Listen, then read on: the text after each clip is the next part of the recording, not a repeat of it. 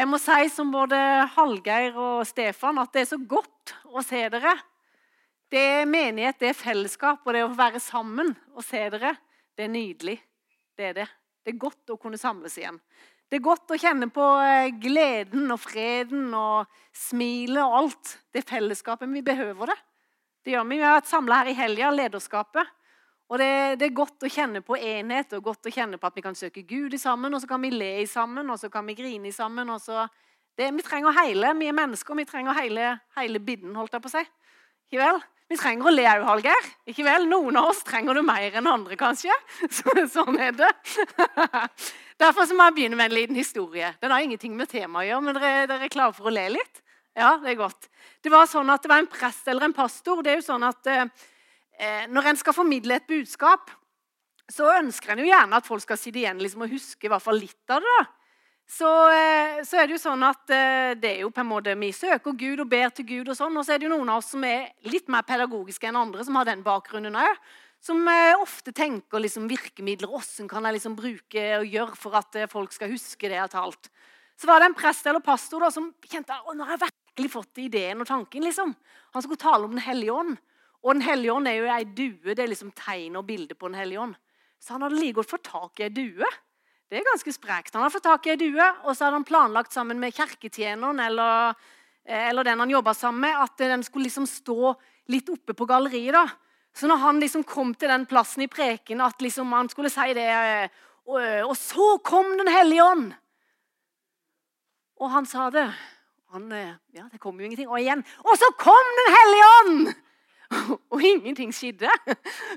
Men tredje gangen da så hauste han liksom, ble han litt stressa. Og så kom Den hellige ånd! Så fikk han høre bakfra. Unnskyld meg, men katta har tatt Den hellige ånd. Er det ikke herlig? Det må ha vært rene Noas ark inni den kirka med katter og duer i det hele tatt. Jeg ser det for meg. Ja, det er herlig. Men for det om Den hellige ånd, holdt å si, om katten symbolsett hadde spist opp Den hellige ånd, så er det herlig at Den hellige ånd er midt iblant oss i dag. Det er fantastisk. Ja. Gud han lovte jo det at vi ikke skulle være alene når Jesus reiste til himmelen igjen. Men han ga oss Den hellige ånd. Vi skulle ikke være foreldreløse. Men vi har fått en overnaturlig hjelper og venn, en som er med oss. En kraftkilde. Og eh, Vi har jo sagt det i menigheten. I Froland misjonskirke har vi en som en verdi at vi ønsker å være en menighet som er en hellig åndsdrevet, trosbasert menighet. Det er en av verdiene våre. Vi ønsker å lære oss det der å lytte til Den hellige ånd. Eh, både for menigheten og for eh, hverandres liv og for egne liv. Vi tror det at i dag så kan Gud snakke til oss. Den hellige ånd kan snakke til oss i dag.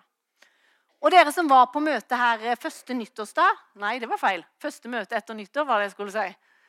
Eh, da opplevde jeg at jeg fikk, eh, jeg fikk noen ord som eh, ikke helt ikke helt skjønte, eller det var et vers som ikke helt skjønte Er det til mennesker her, eller er det til menigheten? Eller, jeg synes det var liksom, jeg fikk ikke helt tak i det.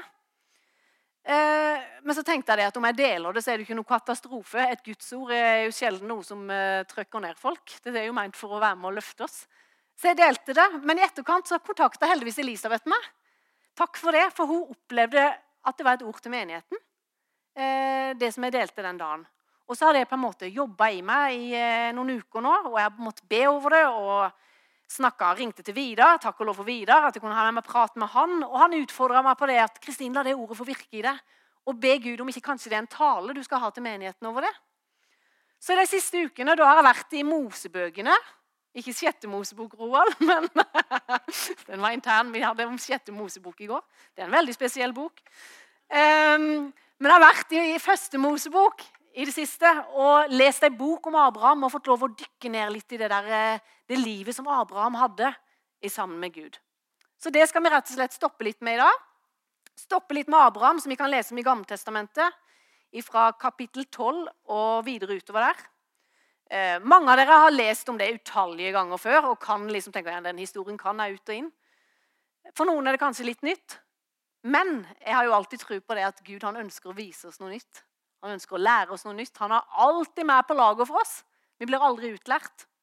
Så la oss bruke ett minutt bare å søke ham. Takk, gode Gud. Takk, gode Gud, at du er her. Takk at du ønsker å gi oss noe mat fra himmelen i kveld. Jeg bare takker deg for det. Takk at du eh, er midt iblant oss. Takk at vi kan få lov å søke du og høre ifra du. Takk for det budskapet som jeg opplever at du har gitt meg, far. Jeg bare ber, meg, jeg ber i ydmykhet at du må virke gjennom, gjennom meg og gjennom ditt ord. At du må komme med ditt nærvær, for ellers blir det bare tomord ifra meg. Men du er nødt til å komme med din hellige ånd og blåse liv i det. Takk for det, far. Takk at du er rik nok til å møte den enkelte som er her. Komme med din inspirasjon, ditt mot, ditt håp. Takk for det, gode Gud. Amen. Da er det sånn at en kan få opp bilde én. Abraham han er jo en mann som er kjent for eh, sin tro. En troshelt eh, i Bibelen. Eh, og det er han jo absolutt. Han er jo virkelig en troshelt. Men jeg tenker at det var ikke nødvendigvis bare en lett sak for Abraham, den vandringen han hadde. Det som jeg tenker at det er verdt å merke seg, er at han fikk lov å vokse i sin tro. Eh, for å sette det inn i sammenhengen så er det jo sånn at begynner, En begynner jo først med skapelsen i Mosebøkene. Gud skaper verden og menneskene. Og så velger jo vi mennesker da å gå vår egen vei. Og så har vi tida med Noah og vannflommen. Og så har en Babels tårn, der en ønska på å bli, eh, få all makt og bli større enn Gud. Og menneskene bygde et tårn og tenkte på seg sjøl og ville skape seg et stort navn. Men så er det som at den røde tråden gjennom hele Gamle testamentet og òg gjennom hele Bibelen, det er det at Gud han gir aldri opp oss mennesker. Det er fantastisk. Han gir oss aldri opp. Han fortsetter å leite og søke etter oss. Og så hele tida peker det fram mot én mann, nemlig redningsmannen vår, Jesus. Det er den røde tråden gjennom hele Gamle testamentet.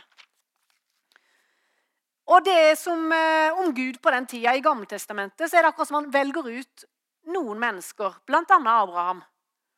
Så ønsker han å utvikle et nært forhold til Abraham. Personlig. Hvorfor det, tenker en? Jeg tror det at Istedenfor å prøve å på en måte gjenopprette hele jorda på en gang, og sette alt tilbake i den rette stand som det en gang skal bli, så begynner Gud med Abraham. Så kan Abraham gi videre det livet han har fått smake. Altså Gud bygger en relasjon. Han ønsker å være en relasjon, leve tett med Abraham. Og så kan Abraham gi videre og lære andre fordelen av å elske og tjene Gud og leve i et nært vennskap med ham. Og sånn er det jo Guds rike utbrer seg. Gjennom det enkeltmennesket så kan vi få lov å ha en personlig relasjon til en levende Gud. Og så kan vi få lov å gi videre det vi har smakt. Sånn utbrer jo Guds rike seg i dag òg. Altså, Gud utvelger, og så lover han at Abraham skal bli stamfar for et stort folk. Og at alle framtidige slekter skal bli velsigna gjennom ham. Vi kan lese eh, bilde tre jeg er kommet til nå. Jeg har sikkert ikke sagt bilde to engang. Det er ikke lett å følge med. Jens Vegard. Bilde tre er vi kommet til. Første Mosebok, kapittel 12, vers 1. Der står det Herren hadde sagt til Abraham Dra ut fra ditt land, fra din slekt, fra din fars hus, til det landet jeg vil vise deg. Jeg skal gjøre deg til et stort folk. Jeg skal velsigne deg og gjøre ditt navn stort, og du skal bli til en velsignelse. Legg merke til at det står at Herren hadde sagt. Altså Når det står skrevet her i Mosebøkene, så var de allerede reist ut ifra hjemstedet. De var allerede reist ut ifra Ur. Og det var nå i byen Karan. At for du skal koble Du var i Froland, og du er nå kommet til Odda, f.eks. Til Lotepus sin heimby. Er det en by, forresten? Odda? Er det det? Ja. Mm, så mye kan jeg geografi. Det er i hvert fall, Du er reist ut. Du er ikke på heimstedet ditt lenger. Du er på reise. Så tenker jeg, Åssen var det Hvordan var det egentlig for Abraham, da? Reise fra heimbyen Ur. De kjente det trygge, de vante menneskene du var vant til å se, de vante menneskene du var vant til å treffe. De kjente butikkene, ansiktene, de du var blitt glad i. Og på Abrahams tid dere, Vi kan tenke at det er mye forskjellig i verden nå. Men på Abrahams tid da tilba de virkelig mange guder. Det var hundrevis, hvis ikke tusenvis av dem. Og åssen ble egentlig Abraham møtt når han sa at han hørte fra en annen Gud? Det tenkte jeg litt på Åssen ble han egentlig møtt, tror du? Når han snakka om at det var en gud som hadde snakka til ham. Det var derfor han valgte å reise ut fra heimbyen Ur. Til og med faren hans har nok ledd av Abraham. For det står nemlig i Josva så står det at Abrahams far Tara dyrka fremmede guder. Så Jeg tror ikke han fikk noe veldig applaus fra pappaen sin om å reise. Og den guden hans han hadde hørt ifra. Han må ha kjent på ganske mye ensomhet. Vi kan tenke at det er ille nå, men det var virkelig mange guder på den tida. De tilba guder for å få gode avlinger, for å få regn, for å få sol, for å få vind. Og det snakkes om at det var egne fruktbarhetsguder og tempelprostitusjon som en skulle gå inn til for at en skulle få hjelp til å føre slekta videre. Det var de forholdene Abraham levde i. Sånn var det for ham. Midt i dette befinner han seg. Kjenn litt på det. I tillegg så kan du tenke deg at du er 75 år, du har ingen barn. Broren din er død, så du har tatt deg av sønnen hans, som heter Lot. Pappaen din er død. Du har reist fra det trygge og begynt på en vei, for du har opplevd at en Gud som ingen andre kanskje kjenner til, har snakka til deg.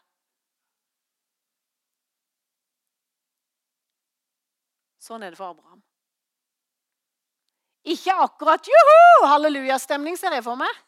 Jeg vet ikke hva du tenker. Nei, det hadde jeg i hvert fall ikke kjent på. Jeg hadde kjent meg ensom. Du er på vandring mot et fremmed land, og du har begynt å gå i ødemarka. Kampen om å finne nok mat til både vann og folk og dyr. Hva sa jeg for noe? Nok mat til vann og folk? ja, det, er ikke verst. Nok mat og vann til folk og dyr. Den kampen er konstant. Kamp mot villdyr er der òg. Og stadig må de bryte opp, flytte på leiren, pakke sammen, sette opp. Pakke sammen, sette opp. Stadig på flyttefot. Og selv om Gud hadde lovt at Abraham skulle bli far til et stort folk, så gikk tiåra, og kona hans Sara hun var fortsatt barnløs. Løftene kan ikke ha vært lette å tro for ham. Sara var ufruktbar, og sjøl holdt Abraham på å bli for gammel til å få unger, og ikke eide han noe land. Så er det i kapittel 15. Der taler Gud til Abraham for tredje gang. Vi kan få bilde fire. Etter dette fikk Abraham et syn, og Gud sa til ham.: Frykt ikke, Abraham. Jeg er beskytteren din. Jeg skal gi deg stor lønn. Men Abraham han diskuterte litt med Gud. Herregud, hva vil du gi meg? Jeg har jo ikke barn. Og det ble vel slektningen min Elieser fra Damaskus som arver meg. Dette sa Abraham to ganger, men Gud svarte, han skal ikke arve det. Du skal sjøl få barn som skal arve det. Så tok Gud Abraham med utenfor, og så sa han, Se nå opp på himmelen og tell stjernene, om du klarer å telle deg. Slik skal slekten din bli. Abraham trodde på Herren, og derfor ble han regna som skyldfri. Det kan garantert ikke ha vært lett for Abraham. For et trosteg det må ha vært å ta imot det løftet. Han må ha kjempa med en haug med kamper. En haug med tanker må det ha vært i hodet hans. Telle stjernene, liksom. Så ser han, står han der og kikker på sin gamle, skrukkete kropp. Ja, dette lover godt, dere. Og så kikker han på kona. Jeg tenker Hun så litt bedre ut, kanskje. Hun var jo litt yngre. Men eh, sannheten var jo at hun kunne ikke få unger. De hadde prøvd i årevis. Men det var sånn at det gikk ikke. Og jeg er sikker på at mange hadde vært på Abraham og sagt 'Abraham, slutt nå å tro på den guden din. Du må reise heller i tempelet. Det er jo fruktbarhetsgudene. Du må gjøre som andre folk.' Men Abraham valgte å være lydig. Uansett om han kjente på følelser som både skepsis og frustrasjon og undring.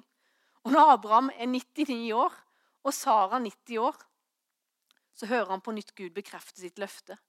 Men Abraham bare ler av Gud òg. Dette er jo for voldsomt.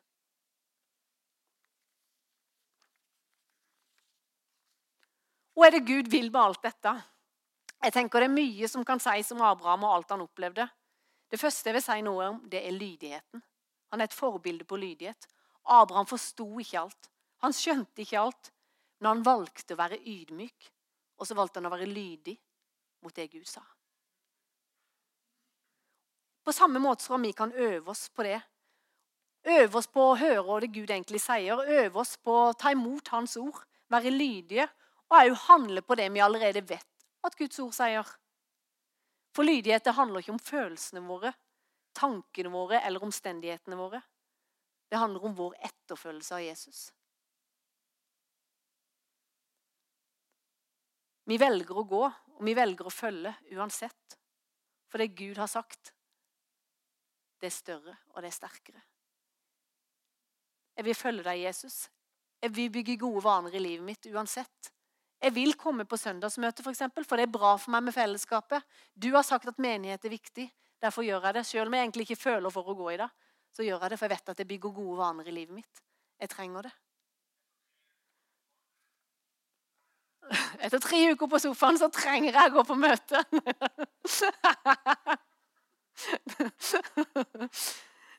Jeg tenker det er noe med Den passer bra. Det er bare en bra understreking. Uansett så tenker jeg det der med å være lydig med det Gud sier, og holde fast på det han sier. Eh, jeg kan ta en sånn liten greie. Nå sitter William der. Jeg har snakka med han om før, så det er lov å si.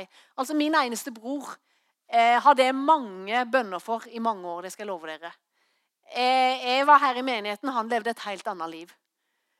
Men så en dag så var det at Gud på en måte sa til meg Kristine, du må kaste all din bekymring på meg. Det er ikke du som skal bære den bekymringa. Jeg er enda mer glad i din bror enn det du er. Kast det på meg. Og husker En dag så skrev jeg det på en lapp, og fra den dagen så hadde jeg kasta det på Gud. Omstendighetene sa noe helt annet enn at han skulle være her i menigheten. Det var mye kaos, men Gud, jeg hadde kasta det på han. Jeg hadde fått et løfte om at jeg kunne kaste bekymring på han. Jeg, da, jeg, da, kjente jeg at jeg, jeg kunne ikke bare ta meg til håret og ta en tro, men jeg hadde fått et løfte som jeg kunne holde fast med. Takk, Gud, at du har sagt at jeg kan kaste bekymring på du. Takk, Gud, at du er enda mer glad i han enn det jeg er. Ja, det gikk 15 år, men løftet holdt, og der sitter han. Midt i menigheten. Ja, det er herlig. Og det er bare Gud som kan gi oss den troen. Jeg kan ikke løfte meg etter håret og tenke at ting skal skje. Men Gud kan skape den troen i oss at det er Han som står bak det. Sånn har min vei i tjeneste alltid vært opplever at Gud forteller meg noe sier noe, så har det vært skummelt. Ja, kjempeskummelt. Var det skummelt for Abraham? Ja, jeg tror det var gørrskummelt. Men det er noe med å ta de løftene, holde på dem. Andre ganger kan lydighet være vanskelig bare fordi at egoismen vår og følelsene våre sier noe annet. For Forrige søndag så snakka Geir om å tilgi 7 ganger 70. Tilgivelse kan være kjempevanskelig. Vi tenker nei, jeg har rett til å holde imot folk. Nei, det var han som såra meg. Men for søren meg han kommer og sier unnskyld. Men vi vet at i lydighet Gud, Vi vet hva Guds ord sier. Leve i tilgivelse. Vi kan tilgi fordi Jesus har tilgitt oss. Lydighet kan være vanskelig, ja. Det kan være skummelt, men jeg tror det er en vei. Og lett er det ikke å kaste seg på bølgen om alt negativt snakk eller bekymre seg eller frykt for alt som skjer i verden. Familie, listene kan bli lange. Sannheten er jo det at vi er ofte troløse. Og det var jo Abraham til tider. Men så kommer Gud og minner han igjen og igjen og igjen. Jeg står bak mine løfter. Er den jeg har sagt at jeg er? Jeg står trofast hos deg. Stol på meg, ha tillit til meg, ha tro på meg, sier Gud. Selv om det gikk lang tid, ser jeg for meg, når en leser Mosebøkene, det gikk, det gikk lang tid mellom hver gang Gud snakka til Abraham. Du kan kanskje oppleve det at det er ulike tider i ditt liv at du kan føle at du går i din ørken. Men han valgte å holde fast på det Gud hadde sagt. Guds stemme fikk rett istedenfor frykt, bekymring og omstendigheter. Og ventetid kan jo være grusomt utfordrende.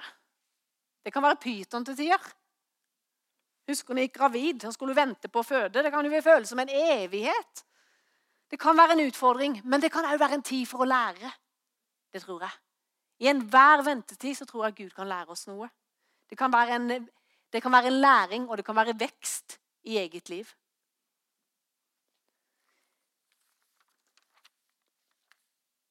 For det er jo sånn at den Gud som skapte himmel og jord, som har all makt Han kunne jo bare med et knips ha gjort sånn at Sara ble gravid. Det hadde jo ikke vært noe problem for han. Så hadde løftet gått i oppfyllelse. Men Gud gjorde det ikke nødvendigvis lett for Abraham. 25 år tok det vel før løftet om en sønn gikk i oppfyllelse. Men Abraham han fikk lov å vokse i troen i den perioden. Han fikk lov å være underveis. Jeg tror ikke Gud er sånn, sånn colaautomat, at du bare putter på, så trykker du på en knapp, og så kommer svaret. Jeg tror han ønsker å lære oss ting underveis. Men så stoppa det jo faktisk ikke bare der med sønnen til Abraham. For Gud hadde jo sagt at Abraham han skulle, han skulle bli velsigna, men i deg skal alle slekter på jorden bli velsignet. Det var enda større. Gud ønska faktisk å velsigne hele verden gjennom Abraham. Bibelen lærer oss at tro det er ikke noe enkelt og lett og gir oss et garantert lettvint liv. Abraham han viser oss at tro det er en konstant beslutning om å holde ut, ha tillit til Gud, sjøl når en ikke ser det. Og til og med når en ikke får erfare det i sitt eget liv. Abraham han fikk jo se og oppleve at Gud, det han hadde Gud hadde talt til han at noe av det ble oppfylt. Men han fikk jo faktisk ikke se alt. Og der tenker jeg, Her har vi noe å lære med bilde fem. Det er ikke alt som gjelder bare mitt liv. Men det er den store tidslinja til Gud. Gud utfordrer oss til å be for og tro på og holde fast på løftene. Abraham han fikk ikke se alle de stjernene og sandkornene som Gud talte om. Uttrykket 'i din slekt skal alle folkeslag på jorden velsignes' det peker nemlig fram mot noe. For den viktigste av alle Abrahams etterkommere, det er Jesus. Det er Jesus.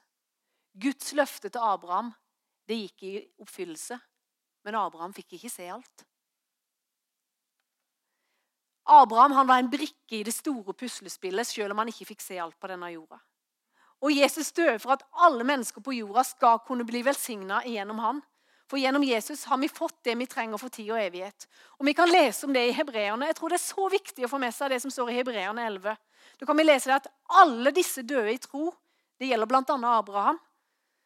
Uten å ha fått det løftet som ble, ble talt om. Men de hadde sett det langt borte, og så stolte de på det. Altså Her ser jeg for meg besteforeldre. Og mange besteforeldre har ikke vært i bønn for sine barn, barnebarn. Det er ikke alltid de får se det. Min mormor og bestemor fikk ikke se at William kom i menigheten her og tok imot Jesus. Men de hadde en tro på det. De ba og de ba og de ba for ham. De hadde tro på det. De søkte Gud for ham. Uansett om ikke de fikk erfare det, så ga de aldri opp. Det er fantastisk. Og Det handler ikke om bare oss. Vi må se det store perspektivet til Gud. Den store tidslinja den gjelder ikke alltid oss.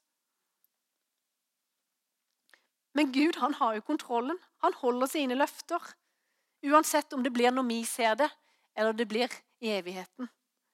En viktig ting er det å lære av våre troshelter. Ha tro til Gud og ha sin tro i Gud. Selv når en ikke ser framgang. Selv når av og til svaret kan komme i neste generasjon. For dette kan være større enn ditt og mitt liv. Vi må lære oss ha et større perspektiv. At du og vi kan være brikker i Guds store puslespill. Og da ser Jeg for meg jeg ser for meg søndagsskoleledere, jeg ser for meg ungdomsledere. Det kan være tøft og det kan være utfordrende. Helg etter helg etter helg. Alltid ser en ikke svaret. En ser ikke den store høsten. Men vet du, jeg ser for meg en dag i himmelen. En dag i himmelen så skal det komme løpende mennesker. Så skal de takke for at takk at du så meg. Helg etter helg. Takk at du gadd å investere i meg. Takk at du gadd å bruke tid på meg. Det var pga. du at jeg fikk lov å se Jesus.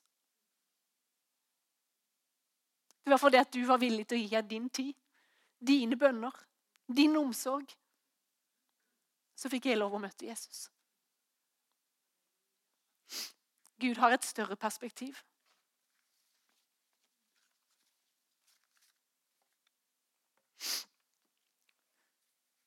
Jesus. Hvorfor valgte Gud akkurat Abraham da, til sin store frelsesplan og redningsaksjon? Jeg vet ikke. Gud velger den han vil. Akkurat den han vil. Var Abraham perfekt? Nei, kan ikke akkurat si det. Livet hans det hadde gode dager, men det hadde òg ganske mange dårlige dager.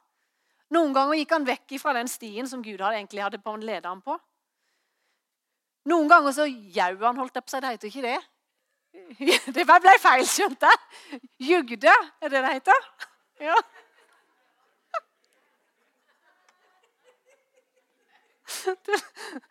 Jeg skjønte at det kom feil ut. Jug. Han lyvde. Løy. Løy, der har vi det. Ja. Han gjorde det faktisk flere ganger. Fordi at han hadde, Det står at han hadde så, så søt ei kone, så var han så redd for at farao skulle ta og drepe han, og så skulle han stikke av med henne som kone. Så han, han jugde. Så sa han det at hun er søstera mi. Kan, Sara, kan ikke du bare si at du er søstera mi? For han kjente på frykt. Så prøvde han å lage sine egne veier. Og når ikke han så at løftene gikk i oppfyllelse, så prøvde han å hjelpe Gud litt på veien. Han fikk jo ingen sønn. Så da gikk han inn til tjenestepika. Så fikk han heller barn med henne. Han prøvde å hjelpe Gud på veien. Så han var ingen perfekt mann. Takk og lov for det, sier jeg. Det viser at Gud kan bruke oss vanlige mennesker i å utbre sitt rike i verden. Det er jeg glad for. Veldig glad for. Han spør ikke om perfekte mennesker, men han spør om villige mennesker. Takk og lov.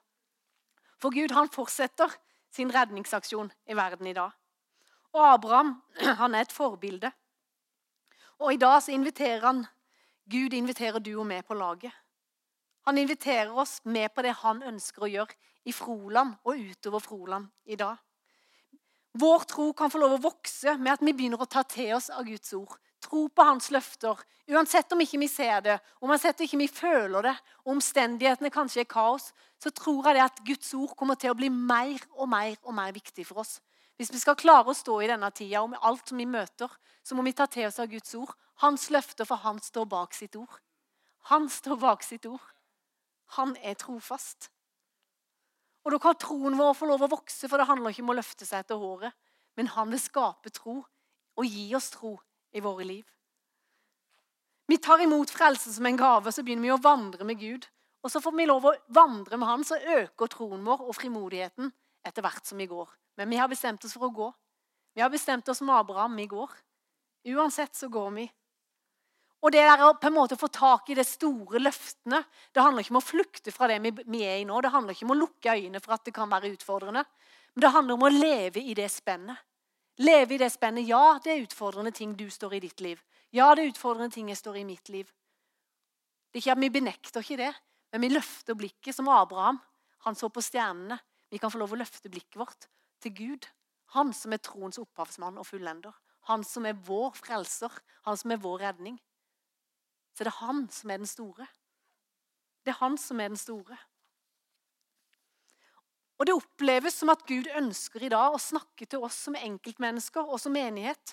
At han ønsker å bygge en tro i oss på at han er en Gud.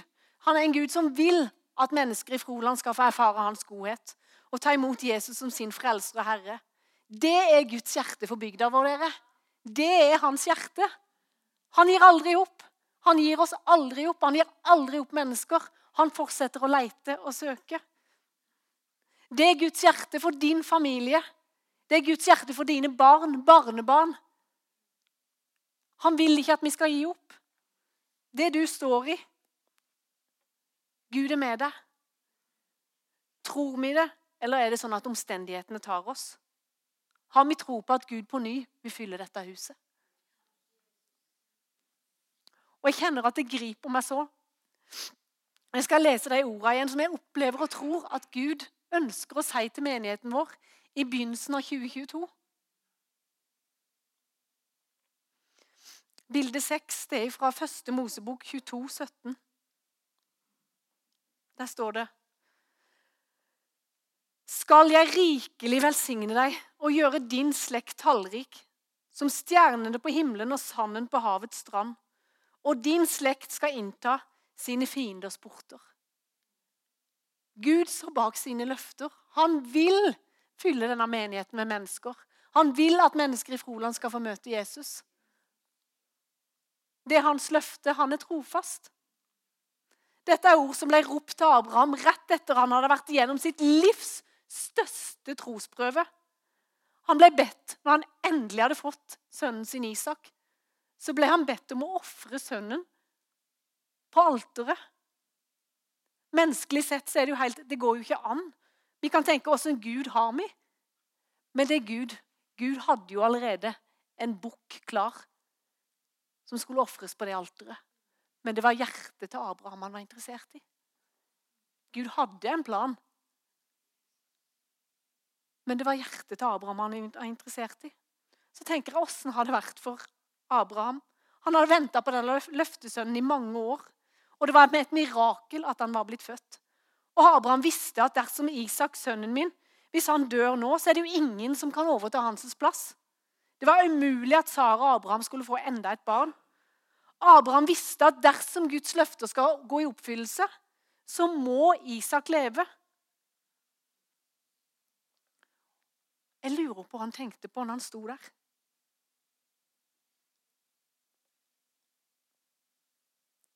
Kan han ha tenkt at dersom jeg ofrer Isak, så vil Gud reise han opp igjen fra de døde?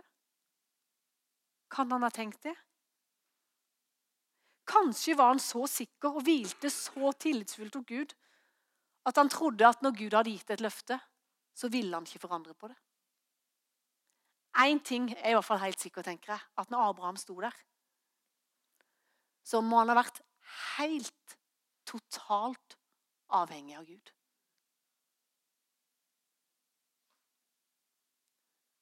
Helt totalt. Gud er helt avhengig av ditt liv. Er helt avhengig av din kraft. Er helt avhengig av at du er her. Så vet vi at Gud har gjort klar en bukk rett hen forbi. Men det visste ikke Abraham når han klatra opp på fjellet der. Men Abraham han hadde bestemt seg for å lyde Guds ord uansett. Han stolte på Guds godhet igjennom alt. Han stolte på Han har kjent Gud så nært. altså Gud, Jeg bare stoler på. Jeg bare vet at igjennom alt så er du god Gud. Uansett så er du god Gud. Uansett om mørket så ut, så ville han velge på at Gud hadde kontrollen, og ikke han sjøl. Jeg ønsker å lese noen ord. Se på det løftet som står der, og så ønsker jeg å lese noen ord som vi har fått til menigheten vår. Som jeg har skrevet opp, som vi fikk for et par år siden. Der sto det Det var mennesker som var på besøk her i menigheten, som ba for menigheten, og som har kommet med lapper og som har kommet med, med ting inn til menigheten.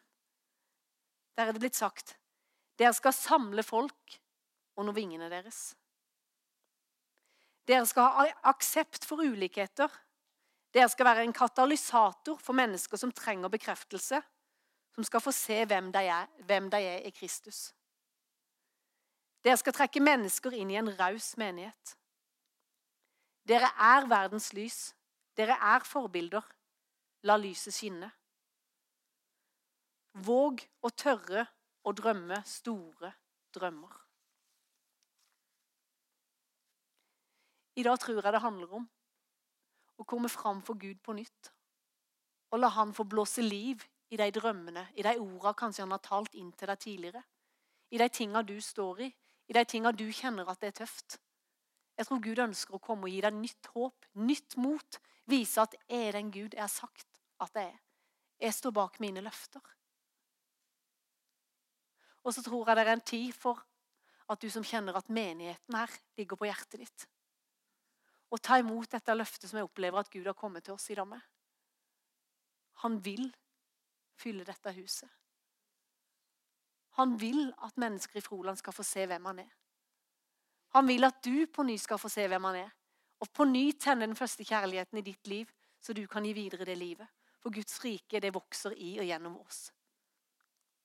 Jeg ønsker at vi alle sammen skal bare lukke øynene, så kan lovsangerne komme opp. Hvis det er sånn at du sitter her og kjenner på at det er ting i ditt liv Du kjenner at det er ting i ditt liv som er utfordrende, som du kjenner at Jeg opplever som Abraham at Gud kanskje har talt, eller at det er ting som, eh, som du står i. Men at du trenger å få ny tro på at Gud står bak. Gud er med deg. Gud er trofast. Så ønsker jeg bare at du skal rekke opp din hånd. Nå er alle øynene lukka. Rekk opp din hånd som en bekreftelse på at Gud ønsker å ta imot på nytt. Ditt løfte. Din sannhet om at du er den Gud du sier du er. Gud, du trenger igjen å komme og minne meg på at du er, du er trofast. Her er mange hender som går opp. Gud ser det. Gud ser det. Her er mange hender som går opp. Gud ønsker på ny å blåse liv i de løftene han har sagt over ditt liv. Eller det han har talt inn i ditt liv i dag. Og så har jeg lyst til å gi en utfordring til. Du som kjenner det at det med menighet er noe som ligger på ditt hjerte. Så ønsker jeg at du skal rekke opp din hånd og så være med og stå i bønn for menigheten vår. Og kjenne det at denne menigheten skal på ny bli fylt av liv. Den skal bli på ny bli fylt av barn. Den skal bli på ny bli fylt av ungdommer. Ungdommer som er med og lovsynger, ungdommer som er med og lager og skaper liv. Det skal, de skal på en måte bli fylt av mennesker her som skal få oppleve Guds godhet. Mange hender går opp. Mange hender går opp. Takk, gode Gud. Takk, gode Gud, at du er her. Takk at du i dag ønsker å minne oss på ny om dine løfter. At du er den Gud du sier du er. Og Gud, du er en Gud som bare ønsker å komme med håp til oss. Du ønsker å komme og fortelle oss at det er framtid og det er håp. Både for våre liv, for våre familier, for våre barn, for barnebarn og du ønsker å tale liv, at det er liv og framtid og håp for vår menighet. Jeg bare takker deg, Gud, for de som har rekt opp sine hender. Du ser om det gjelder ting, far, i privat i livet, eller om det gjelder for vår menighet. Så bare takker jeg deg for at du vil på ny vil minne oss med dine løfter. Takk, Gud, at det handler ikke om at vi skal ta oss sammen, men vi skal få lov å falle sammen innenfor du i kveld, far. Falle sammen, så vil du komme. Skape nytt tro i oss, skape nytt håp i oss. Vi kan få lov å ta imot ifra du. Å, ta imot fra du som er en god Gud. Å Gud, jeg bare takker deg for at du elsker denne bygda mye mer enn vi kan.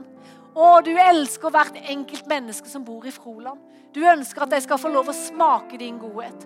Ta imot du, Jesus, som frelser og herre, og som en venn som ønsker å gå med deg gjennom hele livet. En trofast venn som alltid vil være der, selv om vi vandrer i ørkenen, eller om det er på toppen av fjellet. Så vil du komme og fortelle i dag, Jesus, at du er en trofast Gud. Takk at du taler inn i menneskers liv akkurat nå, far. Takk at du taler inn. Du taler inn håp, og du taler inn tro. Kom, Helligånd, og bare møt mennesker akkurat nå. Kom, Helligånd, og møt mennesker. Takk at du ser den enkeltes behov. Og takk at du er en Gud som er mektig til å møte den enkelte. Jeg bare priser deg for det. Jeg bare priser deg for det. Så må du hjelpe oss, Gud, til å se det store bildet. Det store bildet, far. Hjelp oss til å være lydige. Hjelp oss til å være utholdende. Selv om ikke vi ser det så kan vi få lov å hvile i at du er en Gud som står bak dine løfter. Takk at du er her nå. Takk at du er her nå. Taler liv inn i mennesker. Taler håp inn i mennesker. Taler tro inn i mennesker. Takk for det, far. Takk at når vi er troløse, så er du trofast. Takk, gode Gud. Gud.